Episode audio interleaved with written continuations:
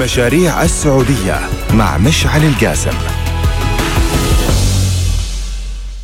السلام عليكم ورحمة الله وبركاته. حياكم الله المستمعين والمشاهدين الكرام في برنامجكم مشاريع السعودية. إحنا طبعا متواصلين في الحديث في هالبرنامج عن مجموعة كبيرة من المبادرات لها علاقة بالرؤية سواء من خلال منصاتنا على السوشيال ميديا المنصة المعروفة مشاريع السعودية أو من خلال هالبرنامج. حنشرح ونناقش معكم كل ما يتعلق بالاقتصاد والتنمية. اليوم آه مخصصين الحلقة آه من كل أسبوع عن أحد برامج الرؤية الكبرى. نتكلم عنه وناخذ تفاصيله وندخل شوي في المبادرات والبرامج في هالبرنامج. طبعا آه اليوم برنامجنا آه هو تطوير القطاع المالي. هذا واحد من برامج الرؤية برنامج تطوير القطاع المالي. وهالبرنامج آه طبعا آه فيه تفاصيل كثيرة جدا. أنا معكم آه مشعل القاسم آه وضيفي طبعا في آه برامج الرؤية عبد العزيز اليوسف. حياك الله عبد العزيز هلا مشعل حياك الله.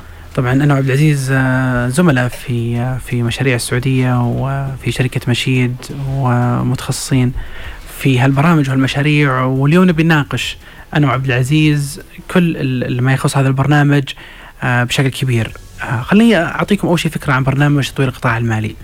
طبعا برامج الرؤية تقريبا 13 برنامج كل برنامج متخصص في شيء معين يحاول إنه يطوره بشكل كبير وله مستهدفات وله يعني تفاصيل كثير.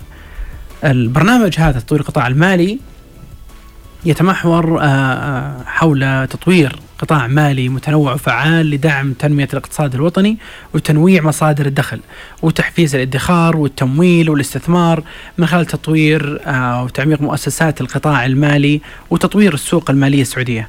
حتى تكون السوق مالية متقدمة وما يتعارض مع الأهداف الاستراتيجية للحفاظ على الاستقرار ومتانة القطاع المالي في المملكة.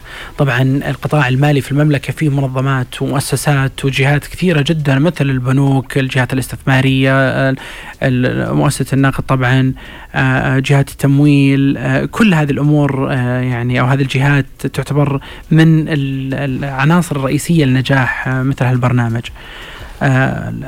طبعا البرنامج هذا يهدف إلى أن نشوف شيء مختلف في القطاع المالي ما كنا نشوفه قبل. واحدة من الأشياء الرئيسية زي مثلا تنمية الاقتصاد الرقمي توطين الصناعات الواعدة توطين الصناعات العسكرية من ضمن الأشياء اللي يسهم فيها بشكل مباشر أو غير مباشر.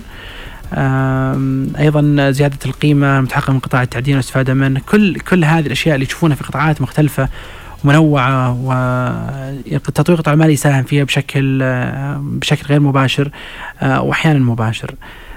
طبعا خلي خلي خلينا نعطينا مثلا بعض التفاصيل اللي يلزم فيها برنامج تطوير القطاع المالي في البداية أنه يهدف البرنامج بحلول عام 2020 إلى زيادة إجمالي حجم الأصول المالية إلى الناتج المحلي الإجمالي تبلغ 201% السنة الجاية مقارنة ب 192 في 2016 زيادة حصة أصول أسواق رأس المال من 41% في 2016 إلى 45% في 2020 فتح أبواب قطاع الخدمات المالية أمام الجهات الفعالة الناشئة كشركات التكنولوجيا المالية لتحفيز الابتكار والنمو. زيادة حصة تمويل المنشآت الصغيرة المتوسطة في البنوك من 2% في الوقت الحالي وهذا يعتبر جدا جدا قليل إلى 5% بحلول 2020 وبنتناقش عن هذه النقطة. رفع حصة الرهون العقارية في التمويل المصرفي إلى 16% بحلول السنة الجاية مقارنة ب 7% في 2016 زيادة حصة المعاملات غير النقدية من 16% عام 2016 إلى 28% السنة القادمة وهذه لها مبادرات كثيرة صارت خلال الفترة الماضية برضو بنعلق عليها آه الالتزام التام بالمعايير الدولية ذات الصلة بالاستقرار المالي بما في ذلك متطلبات بنك التسويات الدولية والمنظمات الدولية لهيئات الأوراق المالية وأيضا هذا فيه تفاصيل كثيرة نتكلم عنها. آه في البداية عبد العزيز ودي أسمع منك أنت إيش رأيك في البرنامج؟ طبعا آه القطاع المالي يعتبر هو المحرك لكل القطاعات الأخرى في السعودية. أو في العالم كله يعني. القطاع المالي هو المحرك. إذا أخذنا على على الاعتبار مثلا قطاع التمويل والاستثمار كل المشاريع والأشياء راح تقوم على عملية التمويل وإعادة التمويل. أضف لها قطاع يعني المصطلح القطاع المالي لازم نعرف وش يندرج تحته. يندرج تحته البنوك والمؤسسات المالية التمويل وإعادة التمويل الاستثمار الادخار تقنيات الدفع التقنيات المالية المعاملات. آه، أضف لها تامين السيارات والتأمين الصحي يندرج تحت مؤسسة النقد اللي بدورها تعتبر شيء مالي. فتطوير القطاع بيشمل تطوير كل هذه اللي, اللي نستخدمها في معاملاتنا اليومية. إذا قسنا فيها الدفع الإلكتروني قسنا فيها عمليات القروض وإعادة التمويل قسنا عليها الاستثمار وتشجيع الادخار. آه، فكل هالبرامج آه، أو المبادرات ضروري كلها برنامج يطورها ويساعد خصوصا إحنا شفنا الأرقام اللي ذكرتها قبل شوي مشعل. آه، في أشياء جدا ضعيفة مقارنة بالمتوسط العالمي. فضروري إن إحنا نتقدم فيها وأتوقع عندنا الممكنات وعندنا البنية التحتية اللي أنا أعتبرها تطورت في الفترة الماضية خصوصا في القطاع التقني بشكل كبير. صح. طبعا اي فأنا أتوقع فعلا إنه في آه في في آه فرص كبيرة جدا في القطاع آه القطاع المالي اليوم بيسهل حتى على أصحاب المنشآت. آه، أعمالهم آه، بشكل كبير. يعني كيف أنا أزيد ثقة البنوك في المنشآت الصغيرة والمتوسطة بالذات للإقراض؟ هذا شيء مهم جدا. اليوم في عندنا بنوك حكومية على سبيل المثال تساهم في صناعة الفرق مثل مثلا بنك التنمية الاجتماعيه وغيره من البنوك الحكومية. وما ما نقول طبعا إن شغلها مثالي آه، ابدا لكن في آه، تغيرات كثيرة جدا قاعدة تصير في الفترة الحالية لها علاقة بالرؤية. ابى ادخل إياكم في أهم المستهدفات الخاصة بهالبرنامج نبي نعلق عليها لكن خلينا ناخذ فاصل سريع نرجع حياكم الله جميعا في برنامجكم مشاريع السعودية، إحنا مواصلين حديثنا اليوم عن آه، تطوير القطاع المالي. هذا واحد من برامج الرؤية. في مبادرات كثير آه، موجودة في هالبرنامج. بناخذ مجموعة منها ممكن لنا كثير بصراحة ونبي نعلق على على هالبرامج والأثر المتوقع منها. آه، الفكرة اليوم لما يكون عندنا عندي قطاع مالي آه، تحت التطوير هذا يعتبر قيمة ممتازة للاقتصاد لأن أي بلد في العالم يبغى يتطور لازم القطاع والخيارات والأنظمة المالية في البلد تتطور معه. آه، الأعمال عشان تزيد الفرص عشان تكثر آه، الشراكات آلية العمل آه، العمليات اللي تصير تجارية بالذات كل هذه الأمور تتأثر بالقطاع المالي بشكل كبير جدا. قد ما هو يتطور قد ما يسهل الأعمال وقد ما يزيد من الفرص وبنفس الوقت يسهل العمليات اللي الناس يعني تعملون فيها وبنناقش يوم مجموعة مبادرات تبي توضح لكم الفكرة من هالموضوع. طبعا تخصيص برنامج تطوير القطاع المالي هذا يدل على الوعي اللي اللي موجود عندنا اليوم. انه فعلا هذا القطاع يحتاج يحتاج انه يتطور حتى يواكب التغيرات آه، اللي تواجه المملكة. وحطوا في بالكم نقطة. اليوم لما نتكلم مثلا في برامج الرؤية آه، يعني عن الاقتصاد أو عن غيرها إحنا تكلمنا في الماضي عن برامج كثيرة جدا آه، في مختلف قطاعات في الزراعة في التعليم في الصحة في في غيرها. اليوم نتكلم عن القطاع المالي. يعني حطوا في بالكم كل التفاصيل بنقولها اليوم هذه من صلب الرؤية برامج الرؤية اللي يمكن كثير منكم أحيانا يقول ما سمعنا عنها شيء وما درينا عن تفاصيلها آه، أشياء أنتم تشوفونها ترى يوميا بحياتكم اليوم قاعدة تتغير وقرارات قاعدة تتغير اليوم كلها لها علاقة بالرؤية بطريقة أو أخرى وزي ما قلت بنبدأ نناقش مجموعة منها تبون تشوفونها. واحدة من أهم المبادرات الموجودة في آه، برنامج آه، تطوير القطاع المالي إتاحة فرص متكافئة لشركات التمويل. طبعا هنا بيكون في معالجة للتحديات الرئيسية اللي تواجه شركات التمويل مثل الحصول على التمويل والضرائب لتعزيز المنافسة آه، مع المصارف طبعا اللي نتكلم عنه هنا إنه بيكون في شركات للتمويل منافسة للمصارف آه، اللي هي البنوك في تقديم خيارات التمويل. يعني إذا شفنا إحنا عندنا قبل شوي قلنا إنه آه، قطاع تمويل المنشآت الصغيرة والمتوسطة 2% فقط من إجمالي القروض. صح. بينما تدري في مثلا على سبيل المثال كوريا الجنوبية يصل إجمالي القروض للقروض المخصصة للمنشآت الصغيرة والمتوسطة إلى تقريبا 75% بينما عندنا 2% بس. مم. فوجود منشآت وإتاحة الفرصة الأكبر قدر ممكن من المنشآت بقوانين وأنظمة معينة إنها تحفز القطاع الناشئ والمتوسط انه يكبر، وعلى فكرة ترى القطاع الناشئ والمتوسط في أي دولة هو صلب الاقتصاد، وهو اللي يقوم عليه أكثر الاقتصاد، فهو هو مهم. يعني اقتصادات الدول ترى ما تقوم على على شركات عملاقة. ما تقوم على تقوم كلها على المنشآت الصغيرة والمتوسطة اللي تشكل أكثر من 50% من إجمالي الناتج المحلي لها. بالضبط. وعلى فكرة في هذه المبادرة الأثر المتوقع منها زيادة حصة تمويل المنشآت الصغيرة والمتوسطة. وهذا يعني طبعا أن أن اليوم لما يكون عندي أنا بنوك آه، تمول أنا أبغى أزيد التنافسية مع البنوك هذه بحيث إن الفوائد حتى تقل المنافع آه، تصير أفضل. فبالتالي بيدخلون شركات للتمويل. ما هي بنوك زي ما تشوفونها اليوم لا شركات متخصصة في التمويل آه تكون مسؤولة عن تمويل آه أصحاب المنشآت الناشئة الصغيرة والمتوسطة. هذه واحدة مثلا من من المبادرات المهمة. في عندنا على سبيل المثال أيضا مجموعة مبادرات خاصة بالتمويل العقاري. مثلا تسريع إطلاق منتجات إعادة تمويل العقاري. تصميم وإطلاق منتجات ضمان الرهن العقاري تحسين تسجيل الرهن العقاري وممارسات التنفيذ آه هذه أيضا كلها أمور خاصة بالرهن العقاري مثلا عندنا مراجعة ادخال متطلبات التامين المرتبطه بنظام الرهن العقاري كل هذه الأمور موجودة بالرؤية مثل يعني مثل إيش الأثر المترتب عليها؟ زيادة مثلا حصة الائتمان للقطاع الخاص في الناتج المحلي الإجمالي مدفوعا بنمو الرهن العقاري. آه هذه واحدة من أهم الأثار المتوقعة. في عندنا على سبيل المثال أيضا زيادة مستوى حماية الأفراد المتملكين للعقار والمقرضين الذين يقبلون آه العقار كضمان. هذا أيضا من ضمن الأمور الرئيسية في في في في هالمبادرات والأثر المتوقع منها. آه أنت قلت شيء مرة مهم مشعل قبل شوي، قلت إن كثير من الأشياء اللي إحنا نشوفها الحين يوميا ترى هي من صلب الرؤية، يعني ما ما هو شيء جاء في يوم وليلة، شيء مخطط له من أول يوم أطلقت فيه الرؤية.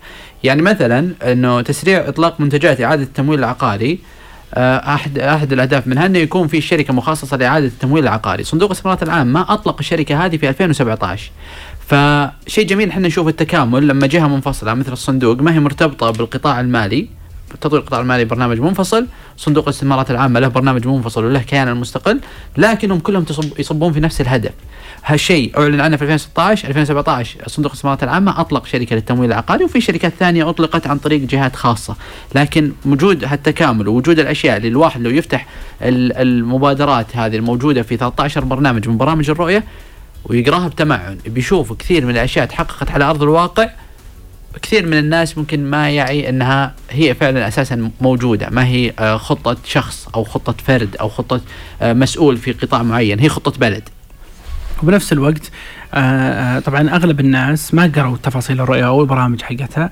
وأنا من ضمن الناس اللي ما قرأت كل شيء. أنا قرأت أنا قرأت مجموعة كبيرة. أيه في شيء لازم نتفق عليه إنه في تقصير إعلامي كبير في إبرازها وتبسيطها. طبعا. طبعا. نقطة التبسيط مرة مهمة لأنها مكتوبة هنا في بعض الأشياء بطرق علمية. صح. و... و... وتخصص المختصين يعني. بالضبط. و... و... وفعلا أنا ما ألوم طبعا الناس اللي ما تقرأ لأن الملفات هذه كبيرة جدا وضخمة. آه اللي فقط أنا ألوم نوعا ما إذا كنت بلوم آه أنا بلوم فقط إن الواحد ينتقد قبل ما يعرف التفاصيل. ممكن. النقد مطلب ومهم جدا. لأي بلد إنه ينمو. آه زين؟ لكن كويس إنك أنت تنتقد إذا كنت تعرف الحقيقة. آه، اي في شيء اسمه في الناقد آه، موضوعي. وهو النقد لما تكون أنت عارف ليش تنقد؟ مو بتنقد وأنت مو بعارف.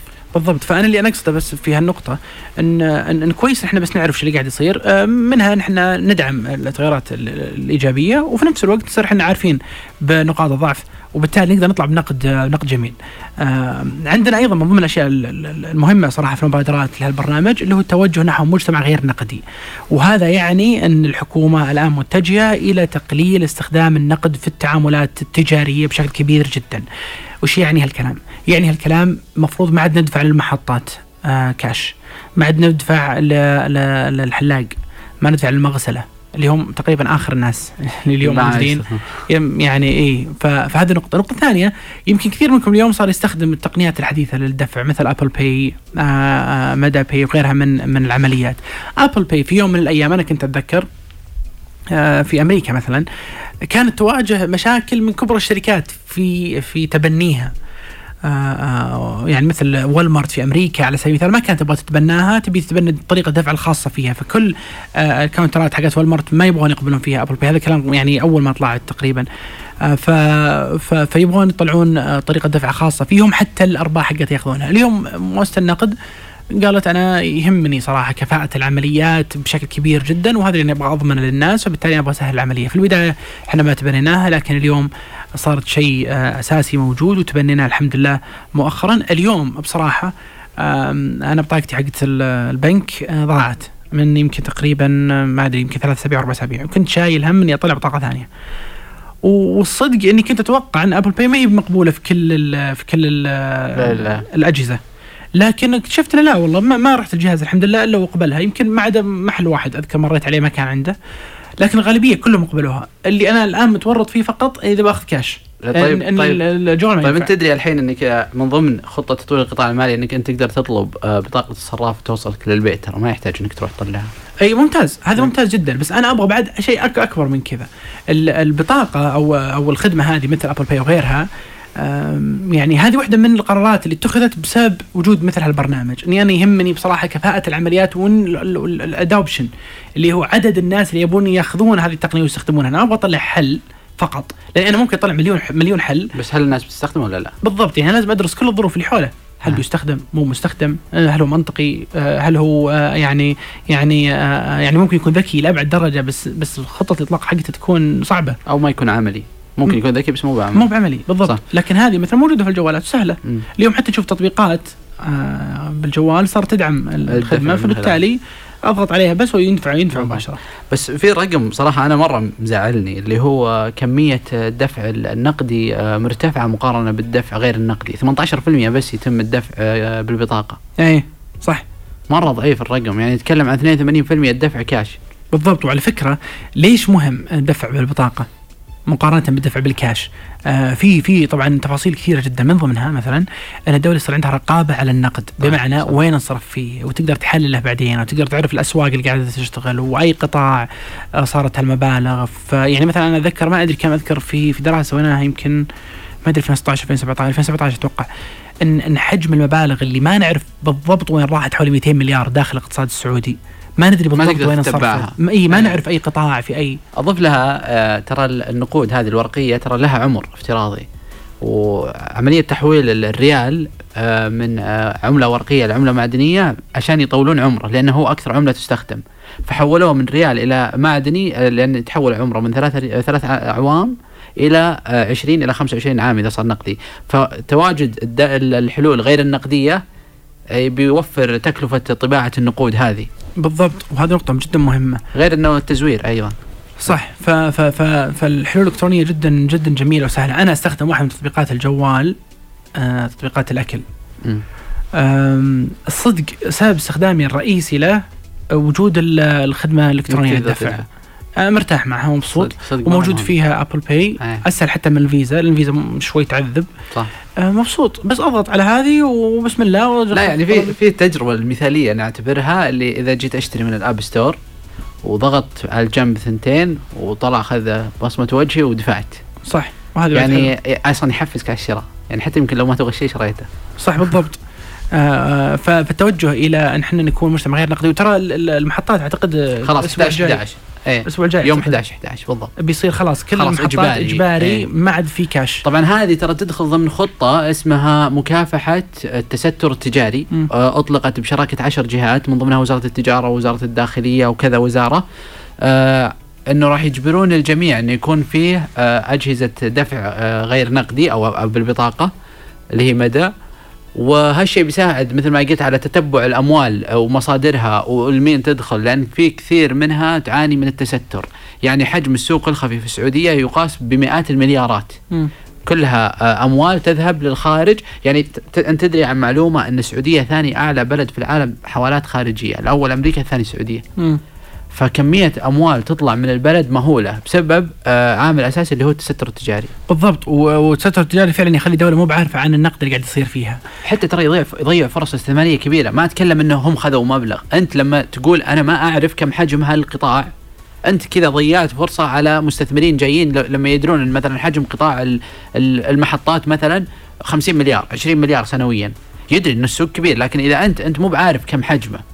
فالاحصائيات ما هي موجودة. صح. وفي نقطة ثانية بعد. آه، بالنسبة للكاش. أنا رحت المحل قبل مدة في في أحد الأسواق. أنا من أول يوم كنت أسولف آه، بشكل عام. لما أقول قصة على طول أقول اسم المحل وأقول اسم آه، ليه- صدق ليه الحين. مع الإعلام الحين بدأت أتعود إني ما عاد أقول الأسماء وأجيب العيد. فكنت في رايح لواحد من الأسواق في الرياض و... ودخلت محل ذهب. و... وقال وسألته قلت إني بشتري منك هالشغلة. فقال لي تبيها ب- بالضريبة كذا سعرها من دون الضريبة كذا سعرها. قلت له شلون بدون ضريبة؟ قال يعني أقدر إياه بدون ضريبة؟ أيوه. قلت طيب. قال مو بالشبكه كاش. إياه كاش من دون ضريبة. وشبكه ترى بتحسب بالضريبة. عاد وأنت بكيفك؟ قلت له حبيبي بكاش. طق خذ. آه. طيب آه قاعد أسأل طبعا ما سألته الصدق بس إني قاعد أسأل نفسي انه ان ان ان, إن, إن اذا إذا من دون ضريبة معناته قطعا الحكومة ما تدري عن المبلغ اللي اندفع صح. لهذه السلعة. صح. ليش؟ لأن لو درت الحكومة معناته الضريبة بتحسب. إيه. فهي ما وكون, تدري. وكون أخذ الكاش وذهب سوق. ذهب يعني الموضوع مو مو مزح. معناته أنا ما, ما يعني ما في تتبع لهالعملية.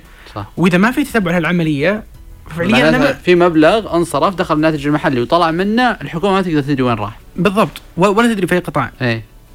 ولا أدري أصلا هل فعلا ال- ال- الجهات المالية عندنا تدري أصلا انه اندفع ولا لا. مو بس. وين راح. صح.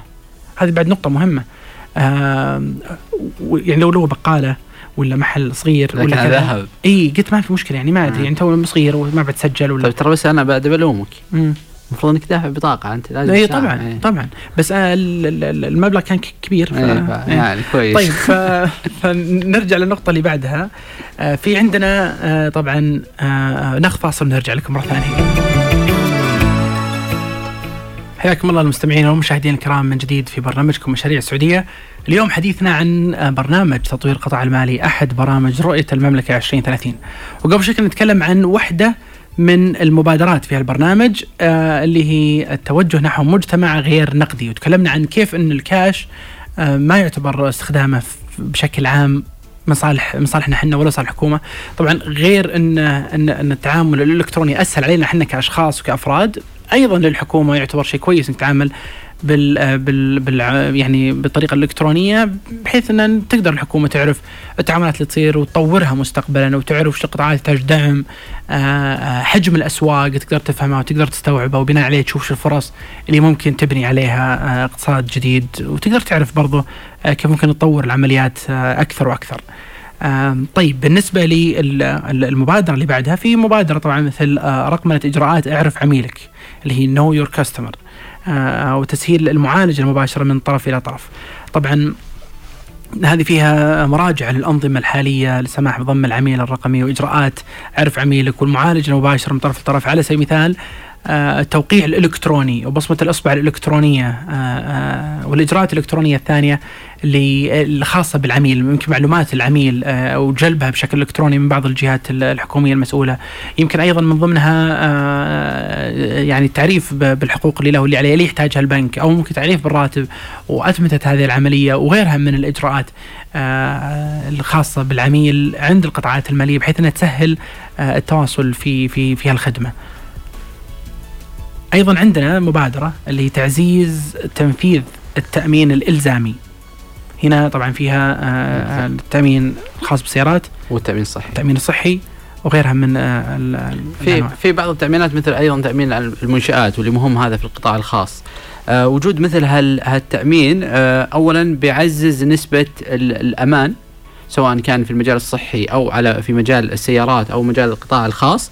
آه الشيء الثاني اللي طبعا بتقود هذا الشيء اللي هي مؤسسة النقد هي المسؤولة عنه أنه تقدر آه نرفع اجمالي الأقساط ال- ال- ال- المكتتبة.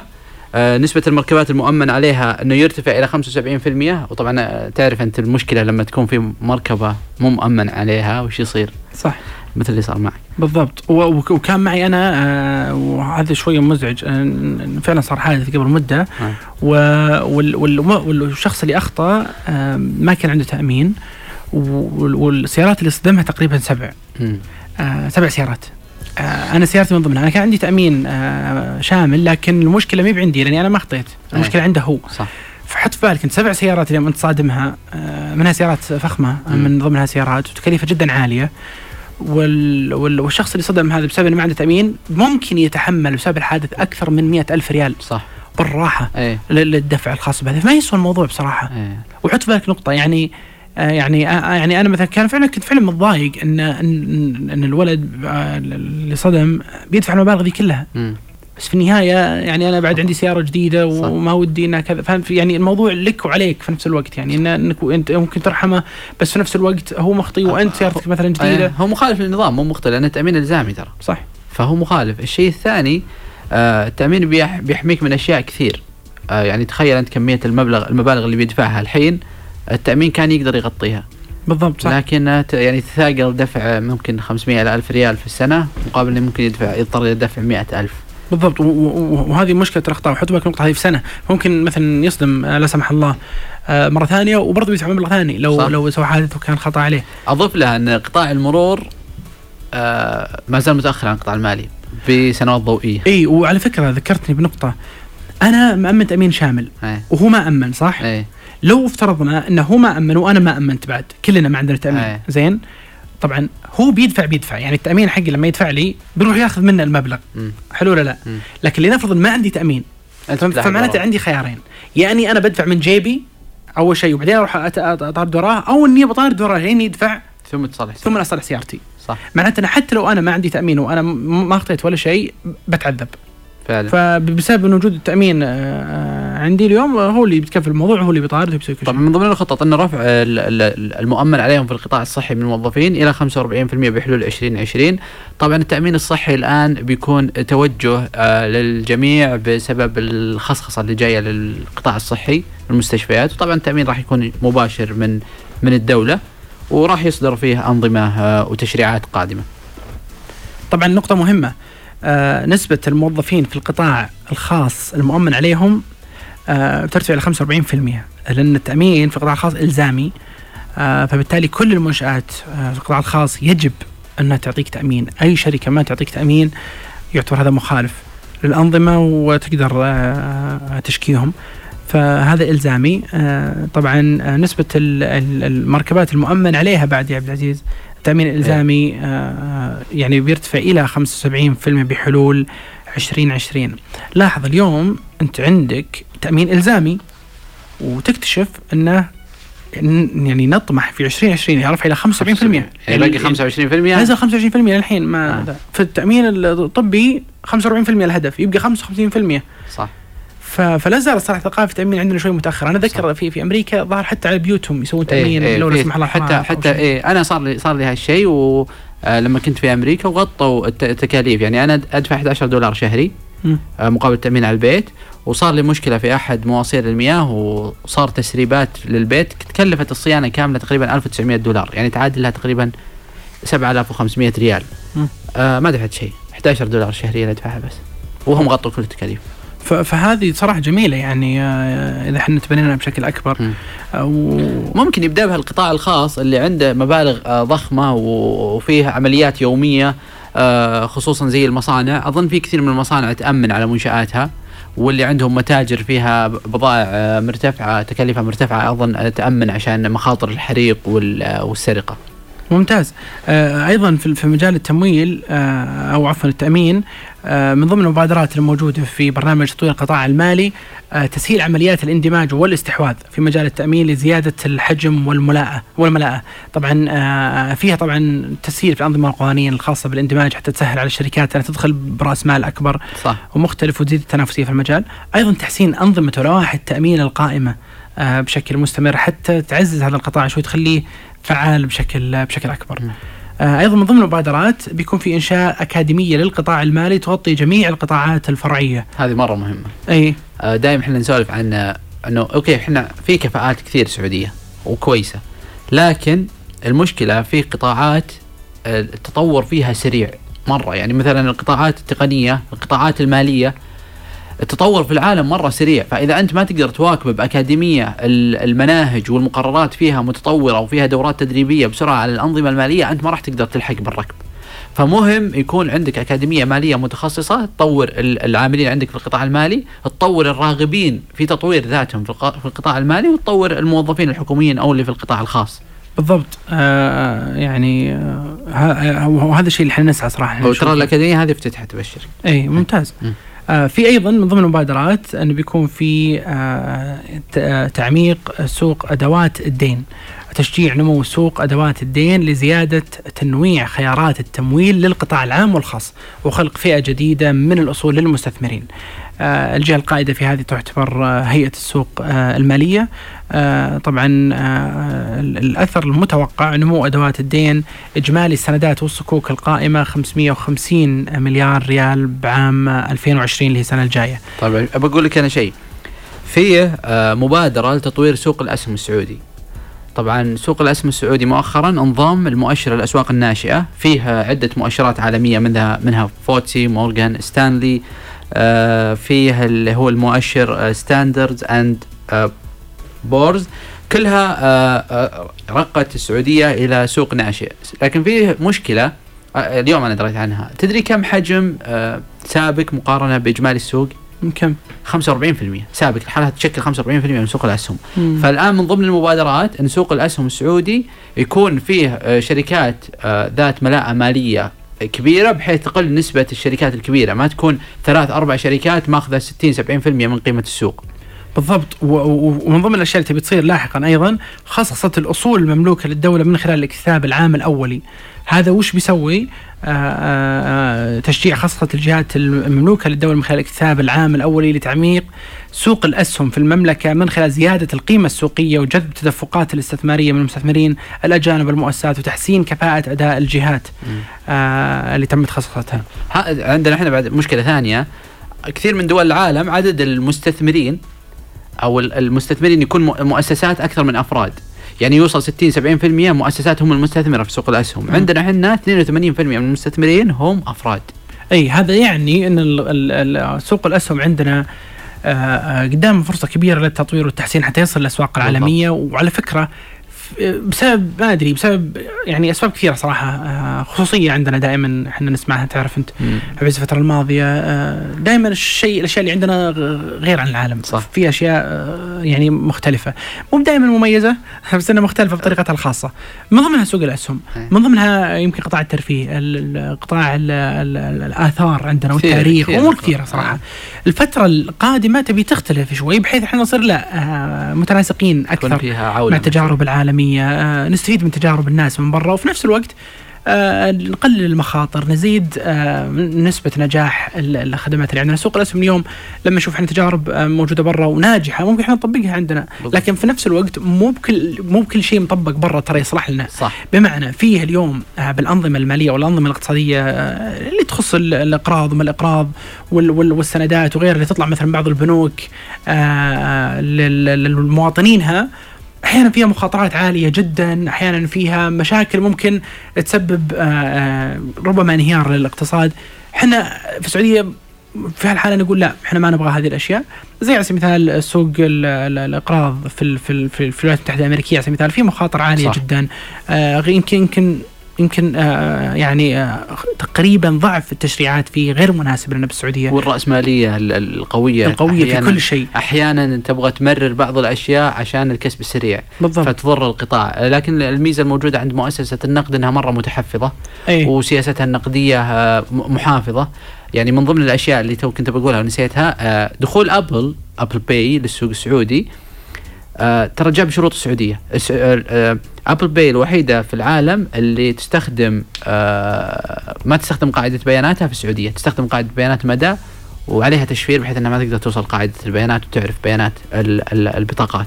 أي ف... يعني فهي تستخدم آه، مدى عشان توصل للبطاقة يكون المعالج الرئيسي هي مدى. فهي بس وسيط دفع. ف- ف- فهذه النقطه المهمه إحنا اليوم في أشياء كثيرة فيها خصوصية سعودية ما نبغاها. نبغاها تنتهي. أو في أشياء مقبولة إذا كانت في مصلحتنا. صح. بس لازم إحنا نبدأ نعطي فرصة للتجارب الموجوده برا انها ممكن نستنسخها عندنا إذا كان فيها نفع. ناخذ فاصل سريع نرجع لكم. على ال UFM. مشاريع السعودية. مشاريع السعودية على UFM.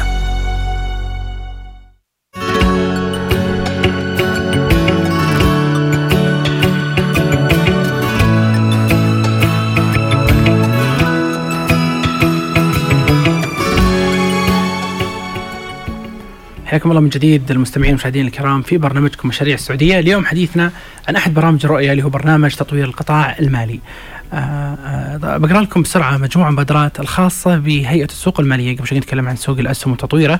في عندنا مبادرة لدعم نمو وانتشار صناديق الملكية الخاصة ورأس المال الجري، واحدة من المبادرات الرئيسية. في التم- آه، التمكين من نمو وانتشار صناديق الاستثمار التي آه، تزاول أعمال التمويل، التمكين آه، من إنشاء آه، ونمو صناديق الوقفية، آه، في أيضا عندنا العمل مع الصناديق الحكومية على دعم نشاط إدارة وحفظ الأصول لدى الأشخاص المرخص لهم، تعزيز دخول المستثمرين الأجانب المؤهلين وعملية فتح حسابات للدخول إلى السوق المالية السعودية، هذا أيضا من ضمن ال- البرامج، التمكين الرقمي لعملية فتح حساب الاستثمار، آه، تعزيز أمن المعلومات بشكل أكبر، إنشاء مركز المقاصة آه، المبني على الطرف النظير CCP هذه أيضا من ضمن المبادرات دراسة جدوى إنشاء هيئة تنظيمية مستقلة للرقابة على مكاتب المراجعة التي تراجع أعمال الشركات المدرجة.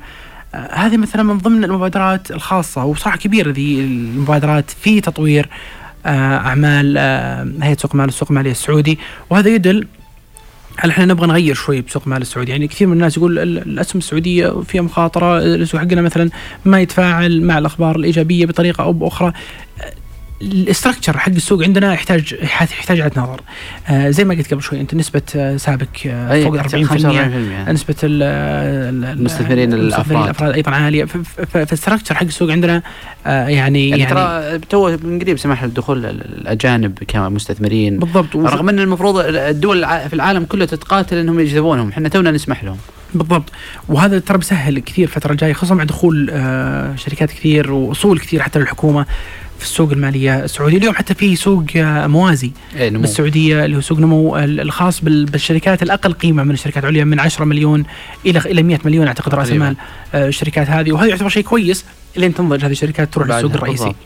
آه أيضا من ضمن ال ال ال المبادرات الجميلة إنه في مجموعة من المبادرات صراحة الخاصة بالادخار. هذه ترى مرة مهمة. جدا. يعني على سبيل المثال بيكون في إنشاء كيان وطني للادخار آه تطوير منتج آه مخصص آه اللي هو خطة ادخار الخاصة بملكية المنازل آه في أيضا آه مخطط ادخار من أجل التعليم آه يعني هذه مثلا من ضمن البرامج الخاصة وكل وكل الجهات آه، أو في جهات مختلفة داخلة فيها مثل وزارة المالية، وزارة الاقتصاد والتخطيط، وزارة الإسكان، وزارة التعليم آه في هال في هالمبادرات الخاصه. خليني بقول لك شيء عن الادخار، في ناس يقول لك أنا راتبي ما يكفيني إلى نهاية الشهر عشان أدخر يعني.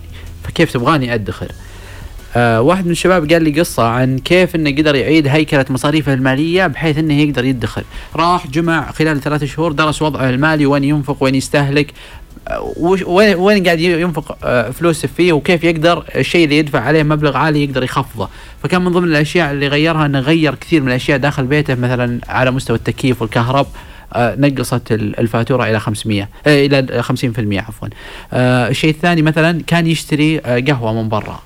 ويقول اكتشف نهاية الشهر إني أصرف عليها يمكن 600 ريال 500 ريال. قصة اسويها في البيت. اشتري بالكيلو وأسويها في البيت.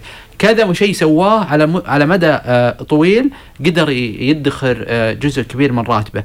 فالادخار أحيانا مو مشكلة في كم يجيك راتب أحيانا في كيف أنت تنفقه. كيف تصرفه. فلما يكون في خطة وفيه آه شيء آه أو مستشار يقدر يعلمك كيف تنظم أمورك المالية ويستقطع من راتبك بطريقة كويسة ما تضرك آه أتوقع الناس بتقدر ترفع آه نسبة الادخار. يعني إحنا نسبة الادخار عندنا ترى يمكن 2.4% آه بينما المعدل العالمي 10% للادخار.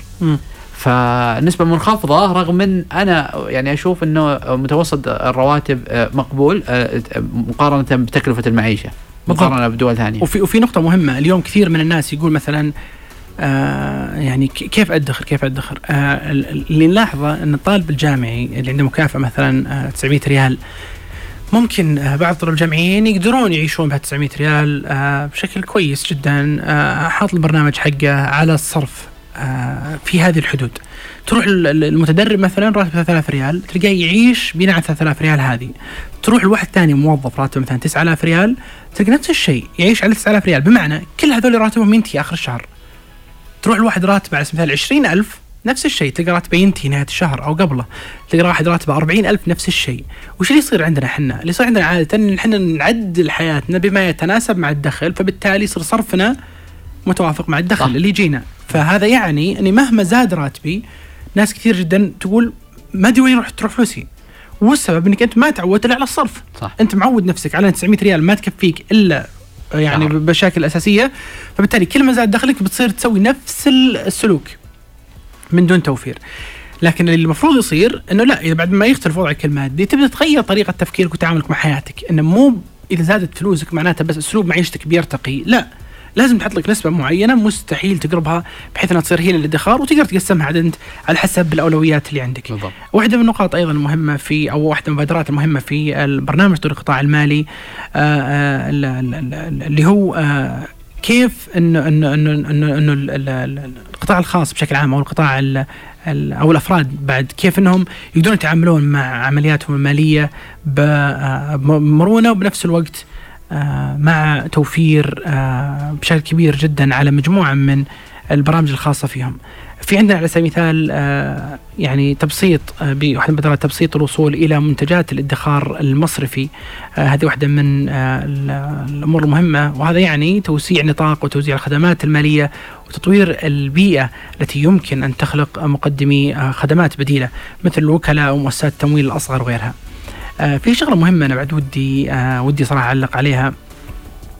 إنه اليوم آه، بعض البنوك الحكومية بتساهم بشكل كبير جدا الفترة الجاية في تمويل المنشات الصغيره والمتوسطه بالذات على المشاريع الحكومية.